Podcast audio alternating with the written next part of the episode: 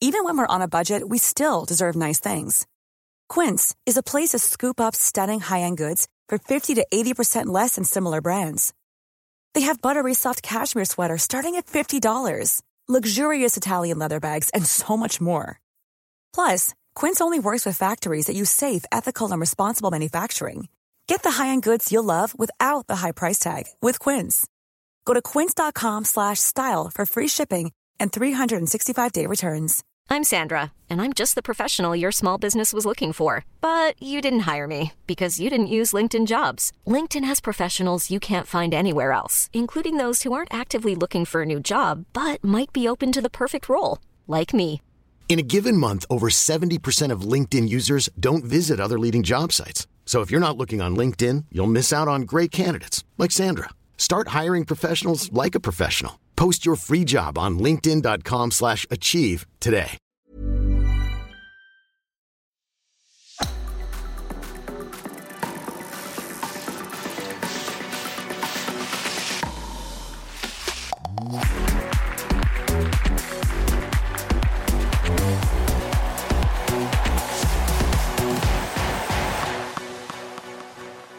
Ja, Dorthea, fikk du sett noe Premier League-fotball i helga?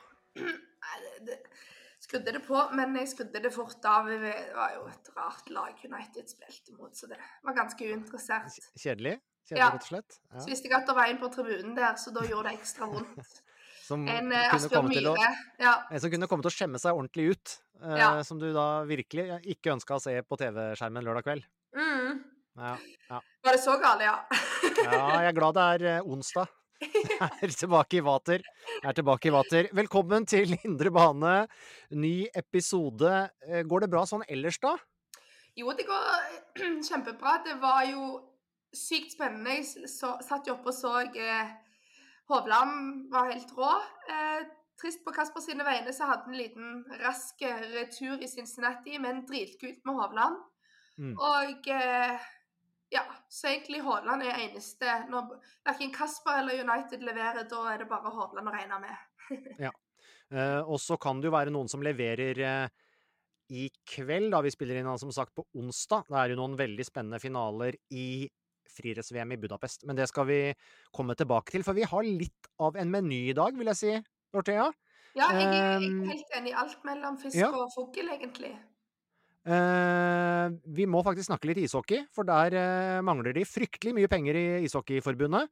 Og, og vi får besøk av både Erik Follestad, som jo har noen sterke meninger om dette her, og generalsekretæren Ottar Eide. Så det blir interessant å høre fra, fra de. Eh, Aftenposten-journalist Erlend Nesje er med rett fra Budapest og snakke litt om det utenomsportslige som har fått satt sitt, sett sitt preg på den norske friidrettsleiren. For det er jo sånn, Dorthea, det handler ikke alltid bare om det sportslige. Det er uh, uvennskap, og det er penger, og det er uh, ja, det er mye, mye greier. Og så skal vi um, få en rapport fra USA, forhåpentligvis, fra vårt team som er der for å følge Tour Championship-avgjørelsen, da. Hvor jo Viktor Hovland har et så fantastisk eh, utgangspunkt. Jeg tør ikke tenke på hvor mye penger han kan eh, sope inn. Altså, han kunne holdt liv i all norsk ishockey i, i flere Norge, ja. flere sesonger framover. og ikke minst hvis han vinner i, vinner i helga, så det blir en ny spennende, spennende runde der. Så det er en, eh, si det er en bra meny. Ja, jeg er helt enig, og sånn som du sa Forrige uke, denne uka, det er det utenomsportslige som tuller rundt i både forbund og landslag. Kvinnefotball, friidrett og hockeyen. Det er jo ukens overskrift. Norges Hockeyforbund. Og så, eh, så skal du eh, og jeg lære hva en flying dutchman er. Spennende. Ja, er du klar? Jeg er klar.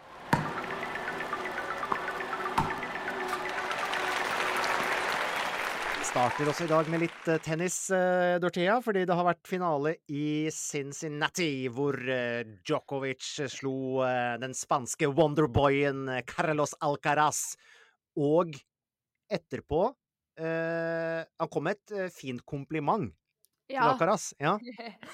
han, han gjorde det. Jeg tror for alle andre i denne verden, alle andre i denne verden, hadde sett på det som kompliment. Men jeg tror ikke det falt helt i, i, i smak til Alcaraz. Vi må si det 7-6 i tredje sett. Eh, Djokovic slo Alcaraz.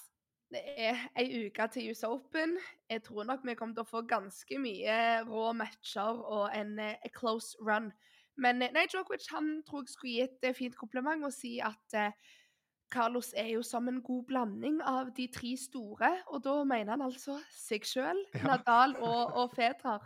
Mm. Eh, hadde noen sagt det til meg, så hadde jeg tenkt ja, få legge opp, jeg, da. Dette er jo helt Ja. sykt, liksom. Men da sa Carlos jeg er Carlos. Jeg vil ikke være en blanding av noen, jeg vil være 100 meg sjøl. Eh, og det fikk jeg til og med sendt av mamma på Instagram, og bare Oh, I love Carlos, skrev hun da. Så det, det er helt rått. Han er banebrytende. Han er en vanvittig eh, ja, forbilde og viser at det generasjonsskiftet kommer snart. Og han vil ikke være en follower av, av de tre store. Yo, yo soy. Yo soy Ja, Carlos. Ja. Mm. Eh, og det som er litt spennende, er Dette har vi ikke opplevd før på herresiden. Men det var ei jente der foreldrene lagde en Instagram til hun, og hun var ni år. Hun het altså Coco Gauff. Mm. Der sto det I am not the new Serena Williams, I'm the first Coco Gauff. Og hun vant nå i Cincinnati, slo verdenseneren Sviatek i semifinalen på hjemmebane, og går da inn mot US Open med en stor, stor turneringsseier. Og vi har venta litt på at Coco Gauff skulle ta det aller siste steget for å holde seg topp ti. Så jeg tror den mentalityen at eh, du ikke skal bli for inspirert og, og prøve å være noen andre, men 100% deg sjøl, så er du både en likende person, men du blir òg kanskje verdens beste tennisspiller. Bra oppsving for amerikansk kvinnetennis eh, i det siste, da, får vi si. Mm. Veldig både med Pegula og, og Coco, så det var verre å være nordmann på denne Cincinnati-turneringen. Ja, det var, eh, det var selvfølgelig litt skuffende. Ja, det var det. Han, han eh, Kasper eh, tapte der da i tre sett mot australske Max Purcell. Eh, født i 98, like gammel som så Kasper. Eh, hadde jo da sin, sin største seier. Han er ranka 47 i verden akkurat nå, eh, men han fulgte opp og slo Stanislas Wawrinka i runden etter, og så tapte han i tre sett mot Alcaraz. Så det er jo en australiener som kan spille tennis, men det er jo tydelig at Kasper ikke er, er der han vil være, og hadde sine sjanser, men kanskje ja, svikta litt eh, når det gjaldt som mest, da. Så jeg håper han har eh, blitt litt inspirert av Hovland.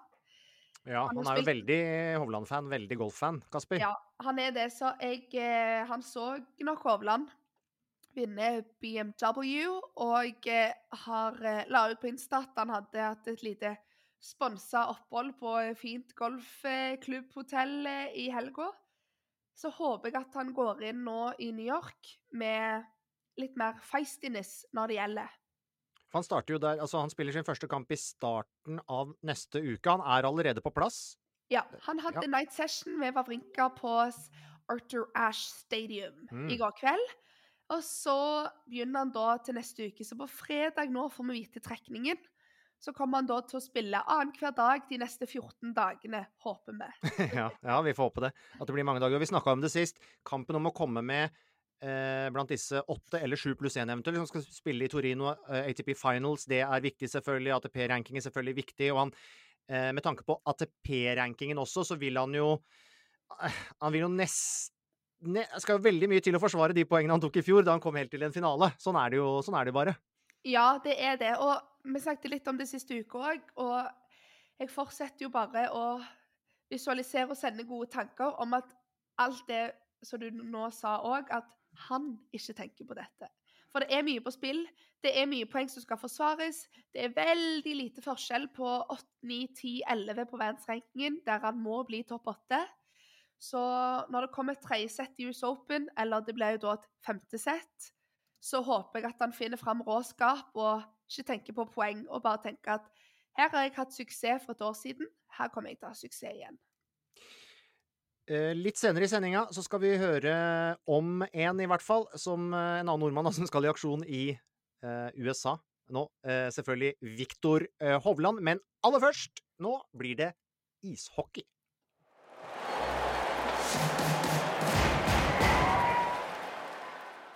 Fredag kom nyheten om at Ishockeyforbundet setter all landslagsaktivitet på pause ut året pga. forbundets prekær økonomiske situasjon. Ett unntak selvfølgelig for U20-landslaget som skal spille VM eh, i romjula, og kvinnene som da eh, spiller VM i Kina for så vidt i disse dager. Eh, men dette skjer da ikke lenge etter at forbundet eh, gjennomførte nedbemanning i administrasjonen. Eh, Ishockeyforbundet gikk over 9 millioner kroner i minus i fjor. Og som vanlig når vi snakker om hockey, Dorthea, så får vi passe på å fortelle at du er samboer med en landslagsspiller, da, Johannes Johannessen, som annet spilte forrige VM for Norge. Men det betyr jo også at dere bor og jobber i Sverige, så da vil jeg starte med å spørre deg hvordan reagerer svenskene på dette her? her? Blir vi gjort til latter nå? Ja, de skamler. Jeg sa sist uke at de lo når Karoline Gram eh, gikk og snakket ut til media og mm, at det kvinnefotball-VM var flaut, men dette er så flaut. De, de lager, Aftonbladet lager jo content på TikTok av dette, og det er jo i sosiale, medier, og Nei, det er rett og slett pisseflaut. Og eh, ja, vi får jo meldinger, liksom eh, Hvilket land skal nå spille for? Fordi de tror at eh, ja, det legges ned. Så ekstremt uprofesjonelt og rett og slett pinlig. En som ikke behøvde å legge like mye bånd på seg som det kanskje Dorthea må, da. Eh, kollega, hockeyekspert, tidligere landslagsspiller Erik Follestad.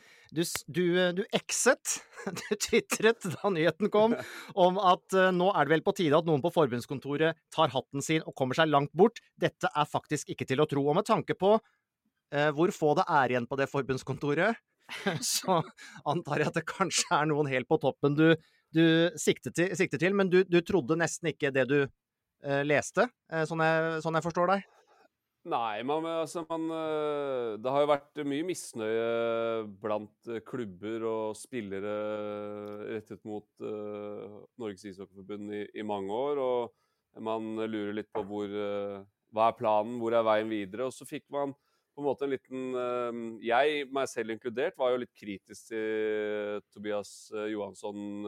at han tok over landslaget og, og skulle på en måte revolusjonere landslagshockeyen for Norge. Og, og, men så fikk man seg en opptur da med, med VM-et som var nå i, i vår. og så eh, gikk man ni mill. i minus, men man hadde på en måte egenkapitalen til det uttalt, i hvert fall. Det var et, eller, altså, de spiste opp to tredjedeler av den egenkapitalen. da. Eh, og så tenkte man OK, men da da har man på en måte landet på beina. Og så har det vært et stort spørsmålstegn da, hele veien ikke sant, med markedsarbeidet som er gjort i Hockeyforbundet. med Hvor er det de skal hente pengene fra? Ja, de, de tar halvparten av penga fra, fra, ja, Nå har han jo ikke noe navn, den ligaen, da, men altså de sponsorpengene der.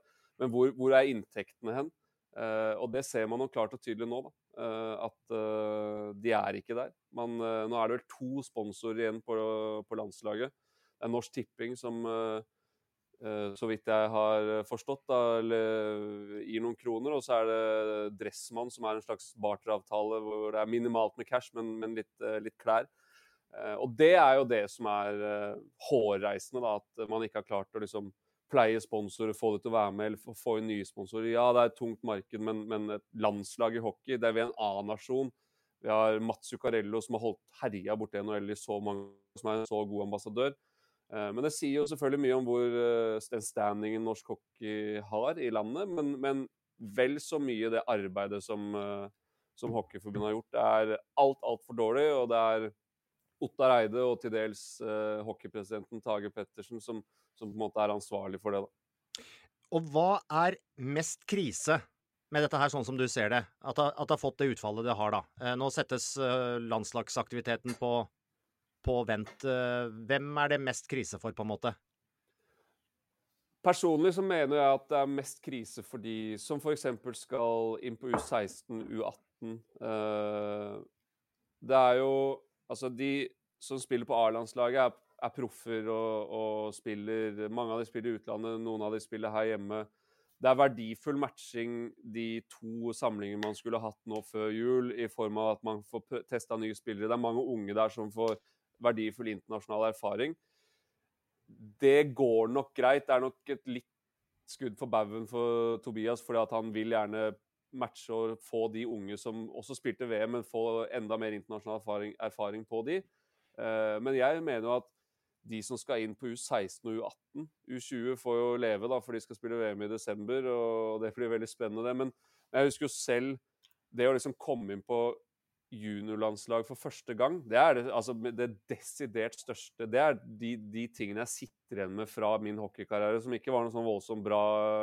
Men, men det å liksom spille U18 og U20-landslag og liksom det er, det er, det største du gjør da, som juniorspiller.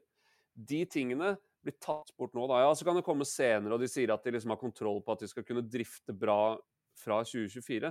Men du tar bort et halvt år av unge hockeyspillere, noen unge hockeyspillere kanskje, kanskje mest verdifulle tid. da, det, det, det er helt utilgivelig, syns jeg. Og en, del, og en, del, av bakteppet der er jo at uh, nettopp noen i den aldersgruppa har jo allerede uh, hatt noen trøblete år med, med koronaperioden mm. og fått sin hva skal jeg si, idrettslige utvikling uh, hindra da, uh, og, ja, og, utsatt av det. Bendik Eriksen, sportsjournalist i Hamar Arbeiderblad og hockeypodkast-vert. var du overraska over hvor dårlig det sto til i, i økonomien til Hockeyforbundet?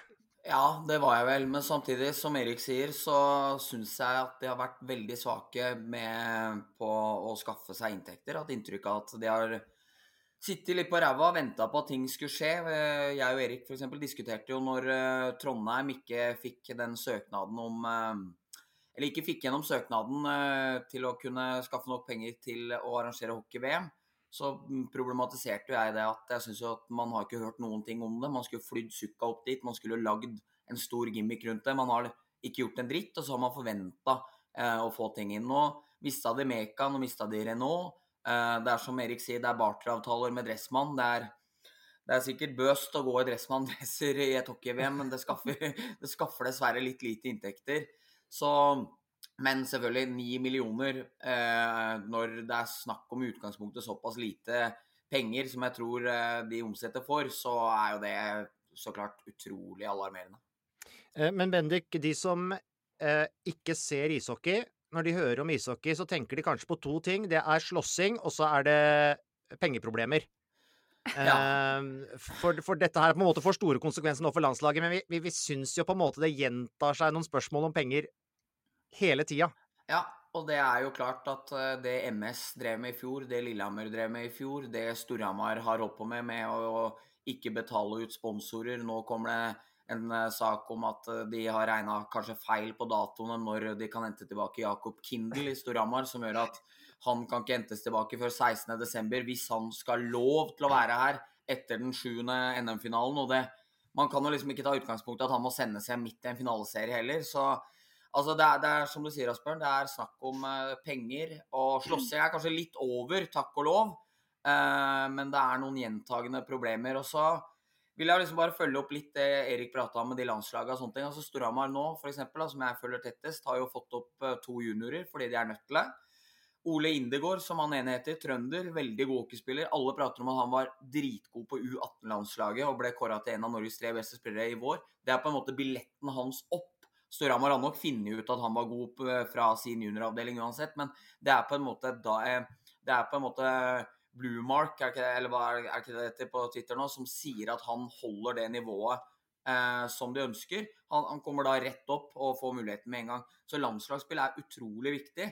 Eh, og det er jo det som er veldig veldig synd, at der går 16-17-18-åringer som mister mulighetene sine pga. at voksne folk ikke har gjort jobben sin. Eh, hva tenker du om det, Dorthea? Altså det å være en ung idrettsutøver eh, oppi, oppi, dette her, da, og bli, eh, bli ramma av de kuttene sånn som de blir? Ja, alle sier jo at landslaget er det største utstillingsvinduet. Det tror jeg det er i, de fleste idretter. og Spesielt da med norsk juniorhockey, som egentlig ikke Eller de gutta som spiller da norsk juniorhockey, som egentlig ikke har blitt sånn respektert eh, i utlandet. da, F.eks. Flere må dra til Sverige og spille juniorhockey, så har de de landslagene der det er en internasjonal arena der du får spilt. og Det gir en skikkelig boost. Og sånn som Bendik òg sa, de gir deg muligheter da til å spille seniorhockey. Og så er det de unge gutta som kanskje ikke har fått en så stor rolle i klubblag. Men jeg syns U-landslaget er det viktigste, og mye av grunnen til, til motivasjon i hverdagen da blir liksom få, få lov til å spille det. Så kjempeflaut. Og jeg syns òg det er flaut at forbundet straffer klubber Sånn som de har gjort nå med et par klubber som ikke har levert det regnskapet som de vil, og tar fra de poeng og begynner på minus, så klarer du pokker meg ikke ha kontroll i ditt eget eh, regnskap. Det, nei, det òg er flaut. Hva tenker du om det, Folle? Og da, nei, det er så, ja, det er jeg helt enig i. Og det, det er liksom de, de, straffer Sparta da med tre minuspoeng for at de ikke har uh, nådd målene sine, hvis jeg ikke tar helt feil, i forhold til eh, overskudd. da. Men Sparta har jo, kan jo legge fram og vise til en kjempegod plan. De har langsiktige, trygge lån. Men det var, uh, ut, det var ikke den malen som forbundet hadde satt opp. Så da da gjaldt ikke de langsiktige lånene som de har dekning for. Eh, og nei, de, de nådde ikke så så mye overskudd, de nådde bare så så mye. Og så trekker de Sparta tre poeng som en sånn derre For å statuere et eksempel. Og så er det liksom helt uh, Hallgeir Kvadsheim står og banker på døra nede på Ullevål der, og det er, det er ikke orden på noen ting. så det er jo også en, en greie her, da, at den utøvende makten som på en måte skal dømme og straffe klubbene, uh, er verst i klassen, liksom. Um, Men når de, når de, først hadde havna i den situasjonen de er i nå, da uh, de, de, måtte jo hvert fall De måtte vel gjøre noe? Ja, og det er jo det som er litt trist. Jeg mener at hvis man kan se noe positivt på det, så er det jo at det må skje endringer. Uh, det som er litt kjipt med hockey, som vi som uh, på en måte Bendik og jeg som, som, jobber med hockey stort sett hver dag og, og, har litt meninger om hockey, det er at hockey er ganske lite i Norge. Så Hockeyforbundet og de som på en måte styrer ligaen sånn, når det skjer noe negativt rundt i hvor det på en måte Hvis man hadde uh, sett på, hvis det samme hadde skjedd i fotballen, da hadde blitt skrevet 15 saker hver dag, det hadde blitt ramaskrik, hodene hadde rulla. Mens i Hockey-Norge så stikker gjerne forbundet de, Enten så svarer de ikke når uh, TV 2, da, som er rettighetshaver, uh, ringer og ber om intervju, så, så, så, passer de ikke å svare. Så stikker de hodet i sanden, og så blåser det over. For det er ikke nok folk som bryr seg om det, til å på en måte skape et, et, et så stort trykk at de må gjøre noe. Nå håper jeg at det har på en måte kommet fram at OK, det er så jævlig dårlig, unnskyld uttrykket, uh, styring på forbundskontoret at nå må det skje noe. Om det er at det kalles inn til ekstraordinær generalforsamling, eller hva det er, det, sånn, det, er ikke jeg så god på. Men, men, nå må det jo skje noe. Ottar Eide sa i går eller når det var at ja, men vi blir litt historieløse. Se på de ti siste årene. Da er det også jeg som har sittet ved roret. OK. Norsk hockeys storhetstid eh, var jo fra 2008 Halifax-VM og fram til eh, Stockholm i 2013, hvis jeg ikke tar helt feil. De ti årene fra nå tilbake, det er etter det. Det kan godt hende at han var generalsekretær i 2013, men det er ikke hans fortjeneste at Patrick Thoresen kom på tredjeplass på poengtopplista i VM, og at de gikk til kvartfinale. Andreplass. For det var Ja, det skal være rett, ja. For det var de som hadde vært før han, som hadde lagt det grunnlaget. Og så har norsk hockey ikke utviklet seg noen ting de ti årene han har vært uh, generalsekretær. Og så ender det med det her. Historieløse. Det er jo ikke noe historie. Vi har hatt Mats Zuccarello i NHL. En gallionsfigur for norsk hockey. Er, altså, hvis man skal klare å skape noe altså, hente noen markedsandeler når du har Mats Zuccarello i New York Rangers og i Dallas og i Minnesota altså, som gjør det helt fantastisk i en bitte, bitte liten idrett. Du har et hockeylandslag som gjør det dritbra ut fra de forutsetningene de har. Hvis du ikke klarer å hente noen ting da, da har du gjort en dårlig jobb. Og når du i tillegg da går ni millioner minus legger ned landslagene ut året, da er det bare å ta Sorry, jeg har ikke gjort en god nok jobb. Jeg har egentlig aldri gjort en god nok jobb. Og nå har jeg i hvert fall ikke gjort en god nok jobb. Jeg er ferdig. Kan jeg dra opp til Bryne, som han er styreleder og bor der oppe eller holder på med hva Kan jeg gjøre det istedenfor? Ikke ødelegg norsk hockey, sånn som de har gjort nå. Det er helt og, og det skal sies da at uh, Ottar Eide, generalsekretæren, han, vi skal høre fra han uh, litt uh, Vi skal høre fra han seinere. men, men, Bendik, er det rett og slett sånn at den norske hockeyen og hockeyøkonomien er såpass begrensa og liten at du er på en måte så avhengig av de rette personene i alle, i alle posisjoner? Ja, det tror jeg også. tror jeg også, eh, Og at eh, de ti åra her eh, er jo også et bevis på at man ikke har fått til noe som helst. Altså Stavanger hadde DNB for ti år siden. Tegningene for nye Jordal var også klare for ti år siden. Altså, klubbene har jo på en måte klart å komme seg videre, tenkt hvordan kan vi få eh, arrangementet til å bli bedre og stå på egne bein. Altså, hadde Vålerenga fått solgt øl eh, til alle som de ønsker, så ville på en måte omsetninga der vært helt annerledes òg. Og på en måte Jeg føler at klubbene er kommet mye, mye lenger eh, i, i, tanken og tenken om hvordan man skal gå videre. Og så er det jo interessant, eh, som Erik sier, da, om at man er jo litt på bakbeina når man begynner å prate om seg selv og hva bra man har gjort på de ti åra.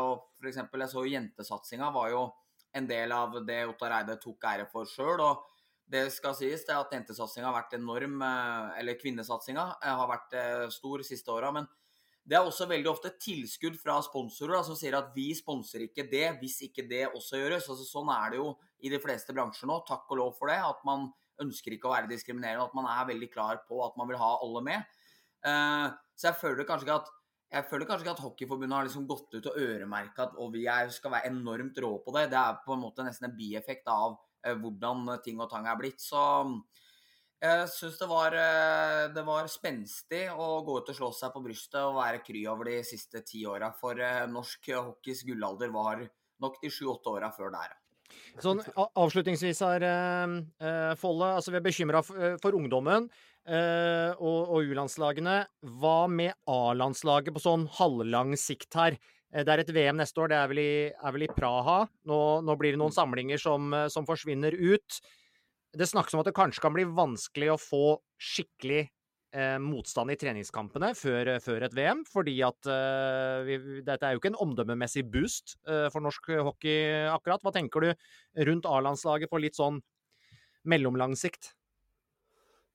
Nei, altså Man får håpe da at uh, Jeg vet ikke om de er satt i treningskampene opp mot VM uh, som, som, kommer tett på der, men man får bare håpe at de de andre landene husker at man eh, Ja, de spillerne og sånn i Norge holder et bra nivå, så det kan bli bra treningskamper. Det er, som vi var inne på i sted, eh, det er et ungt landslag, det er et generasjonsskifte som, som eh, fullførte VM på en bra måte. Norge holdt seg, og, og det, det, var målet, på en måte. Men de trenger jo, trenger jo matching. De trenger, tre, de trenger, å trene sammen, og de trenger å spille mot internasjonalt god motstand. Nå mister vi da fire-fem kamper før jul. To opphold som man ligger sammen og trener sammen, eh, og, og, som er veldig veldig verdifullt til å teste ut noen spillere som ligger i skorpa, for det er alltid noen frafall fra de eh, litt eldre etablerte. Så det er eh, litt uh, flåsete å kalle det krise, men det er, det, er veld, det er, veldig dumt. Det er veldig veldig dumt at uh, man ikke får den, uh, de samlingene. Og så blir, blir, det på en måte, skal, skal, man ta igjen alt det på nyåret. Da, da går man jo inn, inn i sluttspillet, så du får liksom ikke tid til å ha masse samlinger der heller. Så, så da blir oppkjøringen viktig, men plutselig så er det mange som går langt til sluttspillet, og så har de egentlig bare halvt lag i hele oppkjøringen. og det er ja, det, er, det, er, ikke bra i det hele tatt. Og, mm, og jeg er helt sikker på at uh, Tobias Johansson, og med spillerne selvfølgelig, er veldig veldig kritiske til, til opplegget. Så, så, det er ikke bra. Bendik, du skal få siste ordet, sånn som du vil ha det. Jo, takk. Eh, jeg håper jo at eh, de kan, jeg håper at de kan gå til Fattighuset da, og gå til Kulturdepartementet. Eller eh, altså legge frem og bare være ærlig på at her har kanskje ikke jobben vært god nok. Vi trenger faktisk litt tilskudd nå. Det her går utover 16-17-18-åringer, men det går også utover A-landslaget, som hvis Norge rykker ned, vil ha en veldig negativ eh, eh side for rekrutteringa. At man heller bare er dønn ærlig, legger seg paddeflat og sier at vi har gjort en elendig jobb, liksom. Eh, kanskje man kan få litt støtte til å kunne arrangert noen samlinger. Jeg tror også U20-landslaget og mange av de spillerne ville hatt veldig godt av å komme på A-landslaget i høst nå og blitt prøvd der før de skal møte USA andre juledag i Skandinavium, og der kommer det til å gå fort rundt øra på dem. Så jeg tror de hadde hatt godt av eh, noen A-landslagssamlinger nå på høsten òg. Så jeg tror at du må i hvert fall prøve noe, ikke bare bli på defensiven. Det er, eh, det, er, min bønn her til eh, de som sitter med, med makta. Det er, det er, ikke, sikkert. Det er siste gang at økonomi i norsk hockey er et tema. Det, det kan vi i hvert fall fastslå. Takk skal dere ha, Bendik og Erik.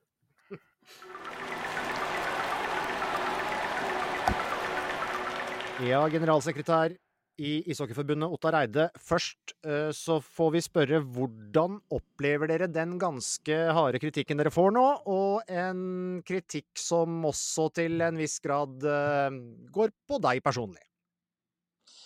Ja, altså, vi er jo i en situasjon som, eh, som er kjedelig for alle i norsk ishockey. Og så lenge jeg er generalsekretær og øverste leder i, i administrasjonen i Norges ishockeyforbund, så er det naturlig at en del av dette peker imot mot meg, og som jeg er også ansvarlig for. Så den, den kritikken som kommer, den er jo både retta mot Ishockeyforbundet, men også, også, mot meg som person. Og det, det, er litt av det som er å være øverste leder. Men tar du deg si, personlig nær av det? Av kritikken? Nei, altså enkelte ting er jo, er jo altså, Det går inn på meg, inn på alle. Eh, og det er jo ikke noe behagelig, men samtidig så, så er det, uttrykker det også noe som er fantastisk i ishockeyen. Det er jo et engasjement og en, en, et ønske om å ha det annerledes og bedre. Og det, det er jo Og da er det fort at man Eh, retter eh, pekefinger eh, mot, mot, mot, de som tar beslutninger og de som jobber sentralt. Og det, det er noe vi må tåle. Og, og jeg, jeg, sover fortsatt på natta, men, men det, det, det, er ikke så kjekt alltid å høre. Det er det jo ikke. Men, men samtidig så er jo dette her også et, en situasjon som har havna i min vakt, og det, det må jeg ta ansvar for. Eh, tidligere på sommeren her så, så var dere ute og, og fortalte om eh, ja, de reduseringene i administrasjon, nedbemanninger som, måtte, som, dere måtte gjennom for å kutte kostnader. Men når oppdaga dere at det faktisk ikke ville holde, og her måtte det sterkere lut til? Ja, det var jo i løpet av, av sommeren også. Eh, så vi, når vi vi gjorde jo de grepene som vi mente var nødvendig rett før sommeren. Å eh, beregne effekten av det og, og, se på hva som lå i pipeline på vei inn. Det var jo også en, en, en del av det, og det er eh, dessverre altfor lite. Eh, så i løpet av sommeren og rett etter sommeren nå som vi fikk, tatt, fikk samlet kreftene igjen, så, så var det eh, nødvendig å ta flere grep enn det vi eh, hadde gjort rett før, før sommerferien. Og det er klart det er jo en eh, Effekten av å, å justere på personal, den får man jo ikke før året etter. Eh, fordi at man har jo, inngår jo avtaler osv., folk har oppsigelsestid osv. Så, videre. eh, så det er jo først i 24 vi får effekten av de reduksjonene vi har hatt eh, på personal i, nå i 23 her, her er det snakk om ja, det er snakk om et U20-VM, som man vel visste at ikke akkurat var noe plussprosjekt, fordi det, det, er det aldri. Eh, og så er det en generell prisøkning som gjør at alt blir litt dyrere, og så er det noen manglende kostnader. Eh, og alt dette her slår jo uheldig ut. Men hva sitter du og tenker nå at dere kunne, burde ha gjort på et tidligere tidspunkt? Og kunne man eventuelt ha tatt liksom alvorlige grep tidligere? Ja, det, det, er klart at uh, alt er jo lettere når du ser det, når du ser det tilbake. Uh, hva du kunne gjort annerledes. Og en av de tingene som uh, er det største, det største ja, hva skal jeg kalle det, ikke irritasjonsmomentet, men, men den største ergelsen er jo at vi ikke har vært gode nok til å jobbe på marked og sikret oss bedre i slutten av 22 og utover i 23. Eh, vi, eh, av ulike grunner, to ulike grunner så mistet vi jo eh, to sponsorer, altså Renault og Meka, som av ulike årsaker ikke kunne være med lenger. Som også dreide seg om økonomi, for den ene i hvert fall. Og da, når vi ikke klarer å erstatte de, så, så er jo, sier det seg sjøl at vi, vi, får et stort hull som, som ikke blir dekket opp på inntektssiden. Og når vi i tillegg da får økte kostnader på de, de aktivitetene vi gjør, så blir det en, eh, en, en veldig uheldig situasjon for alle sammen. Og det, det, er, eh, det er, krevende. Eh, og, og når vi ser også at vi, vi, ser veldig lyst inn mot sponsormarkedet nå. Eh, vi har restrukturert det, og, og vi, vi, vi, kommer kanskje litt tilbake til 24 etterpå. Men, men det er jo eh, altså, Det er ikke sånn svart-svart, men akkurat i 23 er et veldig krevende år. Eh, fordi at effektene for det vi gjør nå, kommer ikke før i 24. Men, men, Så det er ja. det, det, det, viktigste. Også, du, men du er inne på de store avtalene, eller noen, par store avtaler som mm. forsvinner. men bli, ble dere da for passive? Ble dere sittende på en måte og vente på at ok, men her, her, her kommer noen andre og banker på døra og vil, vil gi oss penger, eller hva er, hva er, det du angrer spesielt på i den, Nei, i den fasen der? vi burde vært klarere på å ha en plan B på markedssiden. For i, i, i, i tilfelle For det, det, det, var jo ikke sånn at de avtalene bare uteble på, fra en dag til neste, men det gikk veldig fort. Eh, og allerede da så kunne vi jo, eh, kunne vi jo eh, brukt mye mer krefter på å jobbe inn mot et marked som faktisk er der, selv om det er krevende. Alle, alle som jobber i det vet jo at, at, det kommersielle markedet er veldig krevende for tida. Men, men, det betyr ikke at det er umulig og langt derifra. Så, så der, der ville vi, hvis jeg skulle starta i november igjen nå, så ville jeg jo putta mye mer ressurser inn der. Men, men håpte dere litt på Du sa det med, med Renault Meka, så, så ikke er sponsor lenger. Men hadde dere en plan uten de, og eventuelt uten noen nye inn, som dere trodde skulle klare dere gjennom 2023? Eh, verken liksom uten nedbemanning og uten å avlyse landslagssamlinger. Eh, hadde dere en liksom, overlevelsesplan uten Meka og Renault? Eh, Nei, Det er et godt spørsmål, og det er det jeg egentlig svarte litt på. Uh, følte jeg i sted, at vi, vi, hadde ikke en plan B som var god nok for oss å erstatte Nei, det. Ja. Uh, fordi at uh, når du mister inntekter, så altså, I alle år, da, i mange år, så har vi økt markedsinntektene fra år til år. fra et par prosent til over 20. Så vi har liksom aldri vært i den situasjonen hvor det plutselig blir en dupp. Og så ikke bare en dupp, det ble jo en ordentlig sånn Det gikk ordentlig nedoverbakke plutselig. Og og den situasjonen, den, ehm, den eh, Det er der jeg ville gjort det om igjen, for å sikre at vi, vi, klarer å komme bedre ut av det. Så den, den er jo det, det, er vel egentlig svar på det du spør ja. Ja, så egentlig så kunne du se dette komme i november i fjor, litt? Når Ja, men ja, eh, ja, altså Vi visste jo at de avtalene Vi, vi visste ikke at de blei terminert, men vi, vi, hadde, vi, hadde, dialog med de som sa at de er i en krevende situasjon, de også. Eh, så det kan være at de ikke, ikke kan forlenge, og så skjer det at de ikke forlenger. og da, da, ehm, da var ikke vi tilstrekkelig foran i skoa akkurat da. Eh, og mm. det, det er det vi burde vært. Mm. Eh, så, og fordi at vi, vi, ser at vi tidligere også har klart å erstatte eh, utgående avtaler med nye. Eh, men, men denne gangen så, så, fikk vi ikke det til på, i løpet av vinteren. For normalt sett så har vi jo mm. Vi har jo alltid vi budsjetterer jo alltid med, med en, en, viss del usikre inntekter i løpet av en, et kalenderår.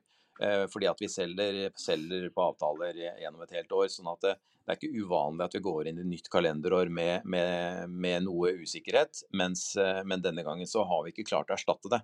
Og det er det som, eh, det er det som eh, vi burde gjort annerledes mye tidligere. Eh, og så eh, sier du jo det at eh, de kostnadsreduksjonene dere har gjort, bl.a. i administrasjon, det er jo noe som du får uttelling for etter hvert. Men, men hva da med inntektssida og nye markedsinntekter. Altså nå har dere jo redusert litt eh, i administrasjonen, men så, så eh, sier vel blant annet, jeg tror eh, presidenten Tage Pettersen sa vel i et intervju her at dere nå har engasjert eh, noen med kompetanse til å rekruttere nye samarbeidspartnere osv. Kan du si noe mer om hvilken jobb dere nå gjør for å sikre sikre, en, eh, ja, sikre inntektssida, da. Eh, sånn at dette her vil se annerledes ut eh, i, i åra framover? Ja. Det, det, er, det, altså, det, vi gjør nå, er jo at det, nå er det flere som arbeider med, med, med, med sponsorer, samarbeidspartnere. Og vi ser det at det er flere som eh, er bidragsytere til å åpne leads. Altså det, det, du må få, få inngang i, i, dette. Og det har vi nå Det har skjedd ganske mye på kort tid eh, på det i sommer, eller etter sommeren. Eh, som er veldig positivt. Det er flere som ønsker å bidra og, det, og kontakter oss, og det er kjempehyggelig. Eh, som gir oss gode innganger til eh, steder hvor vi ellers hadde kava litt mer for å få tak i noen. Eh, og så har, har, vi engasjert eh, en, en, person som har vært hos oss tidligere, som har et veldig stort nettverk i, i, eh, i å jobbe med sponsor og næringsliv, og som har en lang fartstid på det. Som også har tidligere skaffet oss store, de, de store avtalene i mange år. Så vi har en, en kjennskap til, til, vedkommende som vi har stor tiltro til, og som har også veldig stor integritet i miljøet. Og det, er, det, det ser vi kan da føre til det, det, at vi kan se inn i 24 med helt annet lys enn det vi står midt oppi nå. Den, kanskje vi nærmer oss eh, å være litt, litt eh, høyere oppe i bølgedalen enn det vi er akkurat nå. Når du, når du sier det på den måten, tolker jeg det til at du ikke vil si hvem denne personen er, eller hvem det er som er engasjert her?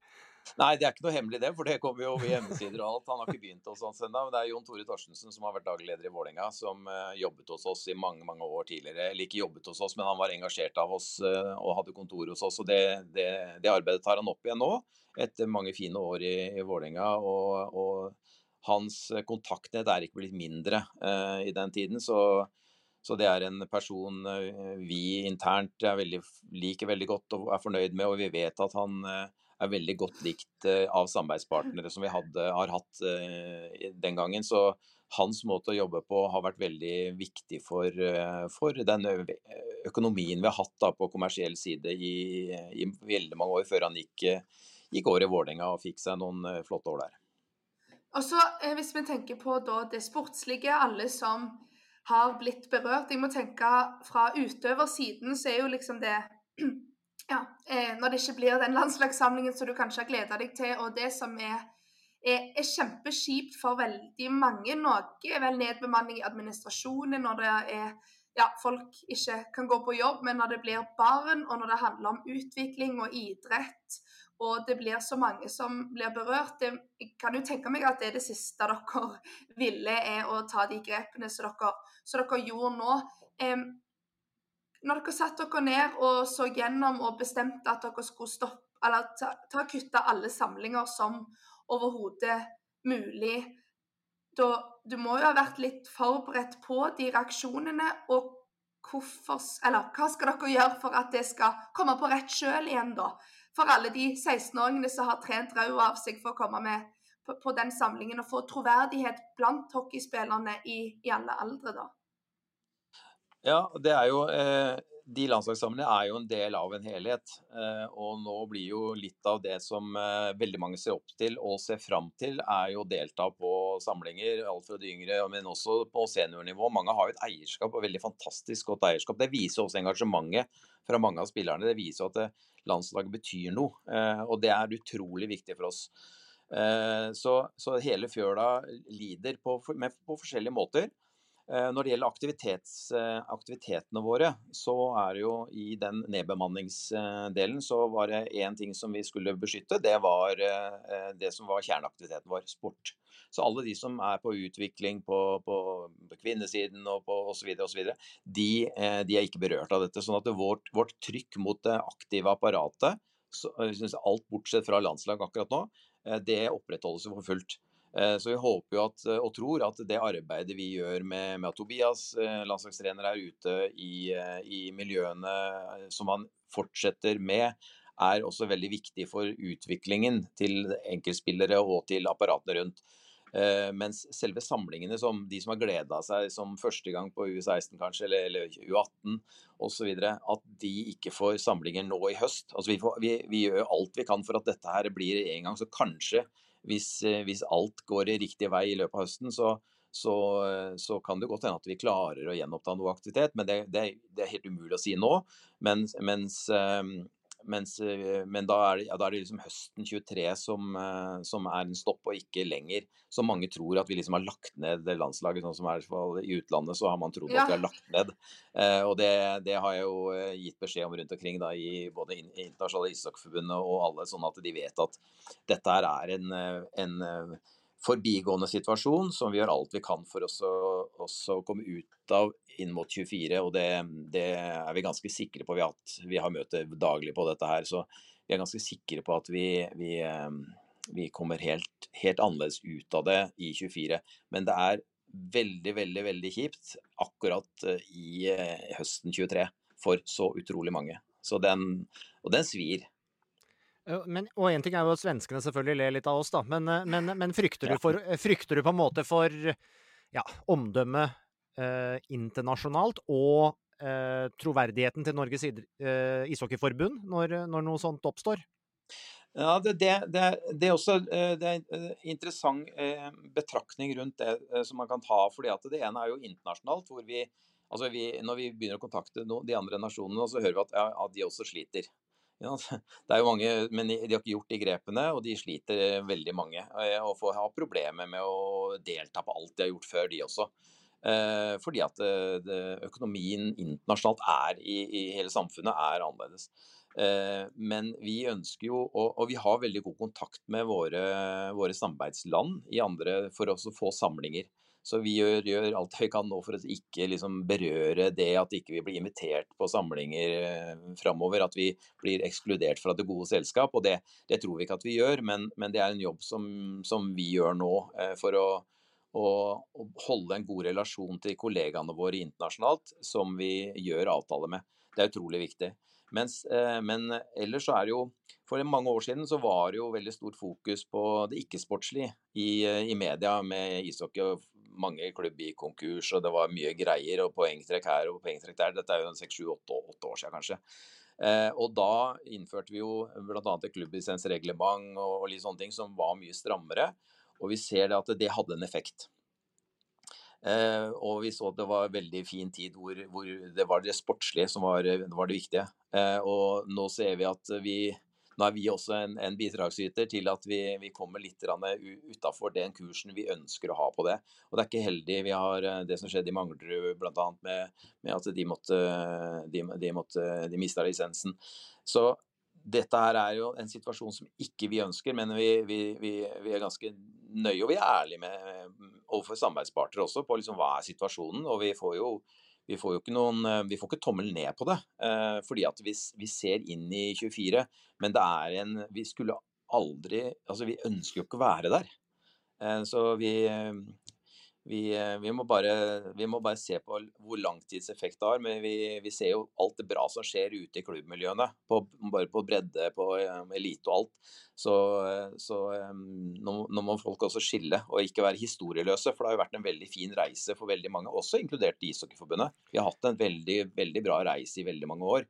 Eh, som har skjedd utrolig mye positivt. Eh, og, og, det som skjer nå, eh, er er eh, en liten del av en, en, et langt løp som vi egentlig ser har en dupp, og så får vi håpe at vi og, og kommer inn igjen på, på riktig spor igjen. Men, men, men, i forlengelse av det du sier, eh, sånn avslutningsvis her, blir det, mm. blir det vanskeligere for dere nå å stå og, skal, og skulle f.eks. håndtere et lisensregelverk og ilegge poengstraff for økonomisk rot? Tror du Forventer du på en måte få den litt sånn tilbake i, tilbake i trynet da?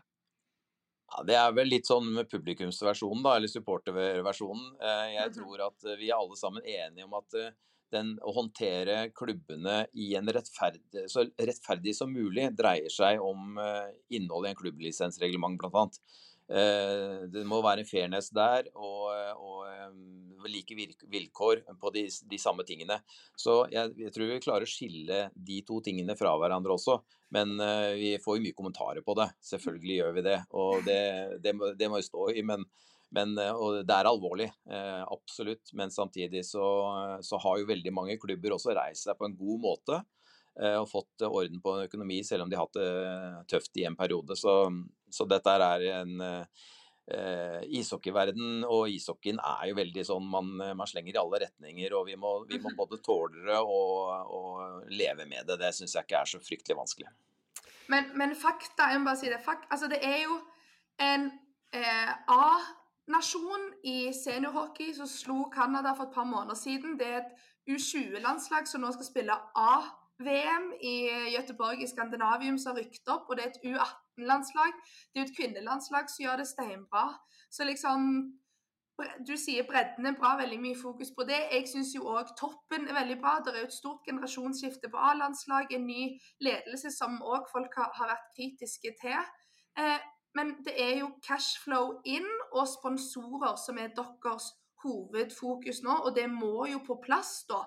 For de kan jo ikke ha samling i, i, i februar, alle disse lagene hvis det ennå ikke har kommet nye sponsorer utover høsten. Men Otta, du betrygger oss med at sponsorer er på vei inn, da, eller? Ja, ja altså det, det, det, det, er ikke sånn, det er ikke svart. Det er ikke helt svart. Nei, Eh, og jeg, jeg, jeg uttrykte meg kanskje litt uklart i stad. Jeg mener jo at eh, jeg syns man jobber veldig bra på bredden og hele, hele stigen, men, men det er veldig mye bra på toppen eh, som det jobbes med. Og rundt landslagene så har vi jo det, det apparatet som er nå med landslagsskolen og, og utviklingen på, med, med A-nasjoner, eller A-status på, på herresiden og, og damene som, som i hvert fall vant, vant i VM i dag. Eh, så er altså, det er veldig mye og veldig stor vekst på jentesida. Kvinnesiden med, med, om noen år så har vi kanskje et fantastisk bra damelag også. Så alt dette her er jo et resultat av et samarbeid mellom forbundet og klubbene. Altså, hvis ikke vi får til det, så, så lykkes vi ikke. Og da må vi ha penger inn, vi også. Akkurat Ja. som klubbene må ha gode hverdager for å gi spillerne mulighet til å kunne trene optimalt og leve, leve så bra som mulig, så må vi også gjøre det sånn at eh, vår tilværelse overfor spillerne når det er på samlinger osv., og ha nok samlinger med riktig personell og riktig, riktig dimensjon, det er jo det er vårt ansvar. Og det må vi, må vi få på plass. Så, så det, er, det er helt riktig som du påpeker, altså dette henger sammen. Men Eh, markedsavdelingen må på jobb. Helt riktig. Det er mange Ja. som var på jobb. Ja. Det er flere som skal på jobb, og det er, klart, det er, nå er det flere som tar ansvar. Uh, ikke bare ikke bare én person på markedet, men vi er flere som jobber sammen med det. Og det er klart, Ja. det, det ser ikke så veldig svart ut, nei. Eh, Bra. Da satser vi på masse landslagsaktivitet i 2024. Eh, og framganger for norske landslag og for norsk eh, hockeyøkonomi. Ottar Eide, takk for at du var med oss. Bare hyggelig.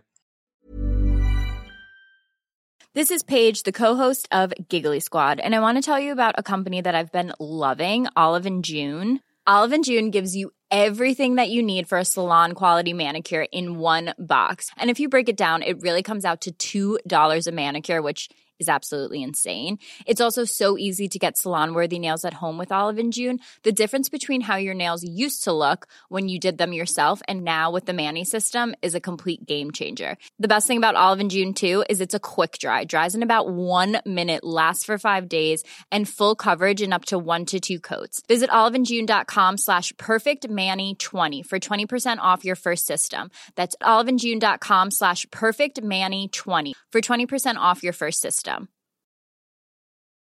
Life is full of what ifs. Some awesome, like what if AI could fold your laundry?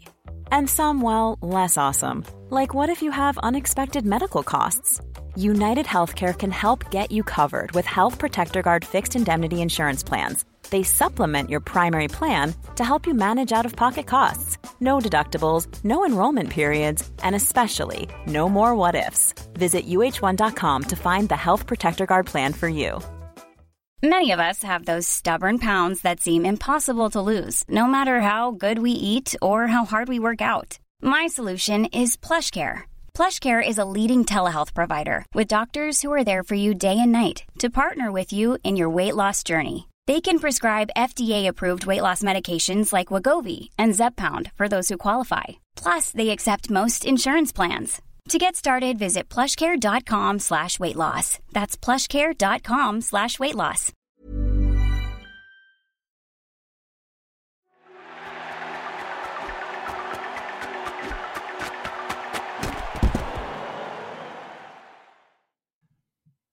Nå publiseres jo denne podkasten onsdag ettermiddag. Det betyr at du som hører på eller ser på, eh, det kan jo være torsdag, det kan være fredag, og da har vi allerede vært igjennom det som kanskje er høydepunktet, eller som er høydepunktene for eh, mange i dette friidretts-VM, da. Eh, To finaler onsdag kveld, både 400 meter hekk og 1500 meter for eh, herrer, så det kan jo ha gått eh, riktig så bra, eller det kan ha gått helt på tverke.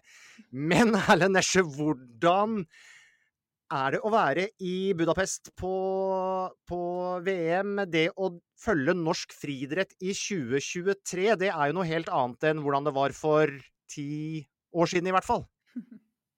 Ja, veldig stor forskjell. Eh, Da var det var, var, Hvis Norge fikk en finaleplass, så var det helt topp. Uh, litt før det igjen så var det jo Vi vant gull med Andreas Torkelsens by, da. That's it. Og så noen hederlige topp ti-plasseringer kanskje her og der. Og så har det bare skutt helt fart fra 2017 og frem til i dag. Og nå er jo Norge en av Europas dominerende friidrettsnasjoner og biter også godt ifra seg mot resten av verden. og og så har vi kanskje to av de mest profilerte og største stjernene på, i det sirkuset her. Og det er, det er, litt morsomt å være, være, med og følge, da. Ja, og nettopp det at det ikke bare er kastøvelser, som vi jo for så vidt med ujevne mellomrom hevda oss i, i, mange år, men nå er, de, nå er det på en måte de mest prestisjetunge ikke kanskje mest prestisjetungene, for det er fortsatt en 100-meter der, men det er noen prestisjetunge løpsdistanser som vi virkelig hevder oss på. Ja, eh, jeg er såpass gammel at jeg vokste jo faktisk opp med Edvin Moses på 400 meter hekk. Og han var enorm på 80-tallet. Og så hadde du 100 meter med Carl Lewis, som var gedigent da. Men så hadde du også 1500 meter eh, med Seb Coe, Steve Ovett, Sebastian Cram. Eh, og etter hvert seinere også med Hisham Elgerush, du hadde Noradin Marcelli. Du har mange av de største i historien har vært 1500 meter-løpere. Så det er, det er distanse. Det er liksom det som er midt imellom en 100 meter og en 10 000 meter. og Du må ha så mange ekstreme egenskaper. Og Du nevner Sebastian Coe og Steve Owett, og ja. det gjorde du også i en kommentar i Aftenposten her for et par dager siden. For de var ikke bestevenner, eh, de to, to britene, når de konkurrerte. Og så har vi fått en situasjon eh, i den norske friidretts Eh, leiren, hvor vi har Jakob Ingebrigtsen, men hvor vi også nå etter hvert har en Narve Gilje Nordås, som også, eh, og dere som hører på vet kanskje hvordan det har gått, er en medaljekandidat på 1500 meter. Narve Gilje Nordås trenes av Gjert Ingebrigtsen, som ikke lenger trener brødrene Ingebrigtsen. Gjert Ingebrigtsen som da, etter en totalvurdering, som det heter, ikke fikk akkreditering til dette friidretts-VM-et, men er på plass og bor sammen med da eh, Narve Gilje Nordås utenfor hva skal vi si, den norske VM-leiren. Dette er jo en litt spesiell situasjon, eh, Erlend, som har gitt en eh, hva skal si, støy inn mot dette mesterskapet som, som Friidrettsforbundet helt sikkert eh, gjerne ville ha unngått, men som de rett og slett har måttet finne en måte å håndtere på. Hvordan syns du de har, har løst det? I forkant så syns jeg ikke de løste det veldig bra. Eh, det, det, det, her er en veldig vanskelig sak for alle parter. Eh, men det har blitt veldig mye unødvendig støy fordi at eh, det ordet totalvurdering har blitt litt sånn diffust for det norske folk. Hva er det? For at alle som følger litt med, vet jo at Gjert Ingebrigtsen har fått frem en ny verdensener. Og er helt opplagt en av verdens beste trenere men så er ikke han en av de elleve som får akkreditering. Og det, det, er jo klart at her er jo et, et hensyn Norges friidrettsforbund har tatt, er jo til vår største løpestjerne Jakob Ingebrigtsen for at han skal vinne gull her. Og for at han skal vinne gull her, så vil han unngå energilekkasjer. Og energilekkasje for han er hvis treneren, altså pappaen som de var et brudd med for halvannet år siden, at han er for close. Eh, I EM i fjor så ble det veldig mye støy, og Jakob opplevde som uh, energilekkasje at uh, vi i mediene vi, vi, vi, fokuserte veldig mye på spørsmålet om Gjert, for han var faktisk til stede som en akkreditert trener da. Og vi er nok litt skyld i det sjøl òg. Sjøl om det var um, sagt at han ikke ville ha spørsmål, for han ville bare fokusere på seg sjøl, så kom spørsmålene likevel. Og da er det jo klart at uh, Friidrettsforbundet har kanskje tatt valget på den bakgrunnen, da. For å frede sin soleklare ener på distansen. Men samtidig, da uh, Narve Gilje Nordås er jo beviselig en av de beste utøverne i verden. Han er ikke en sånn såkalt squad player, som vi ser i fotball.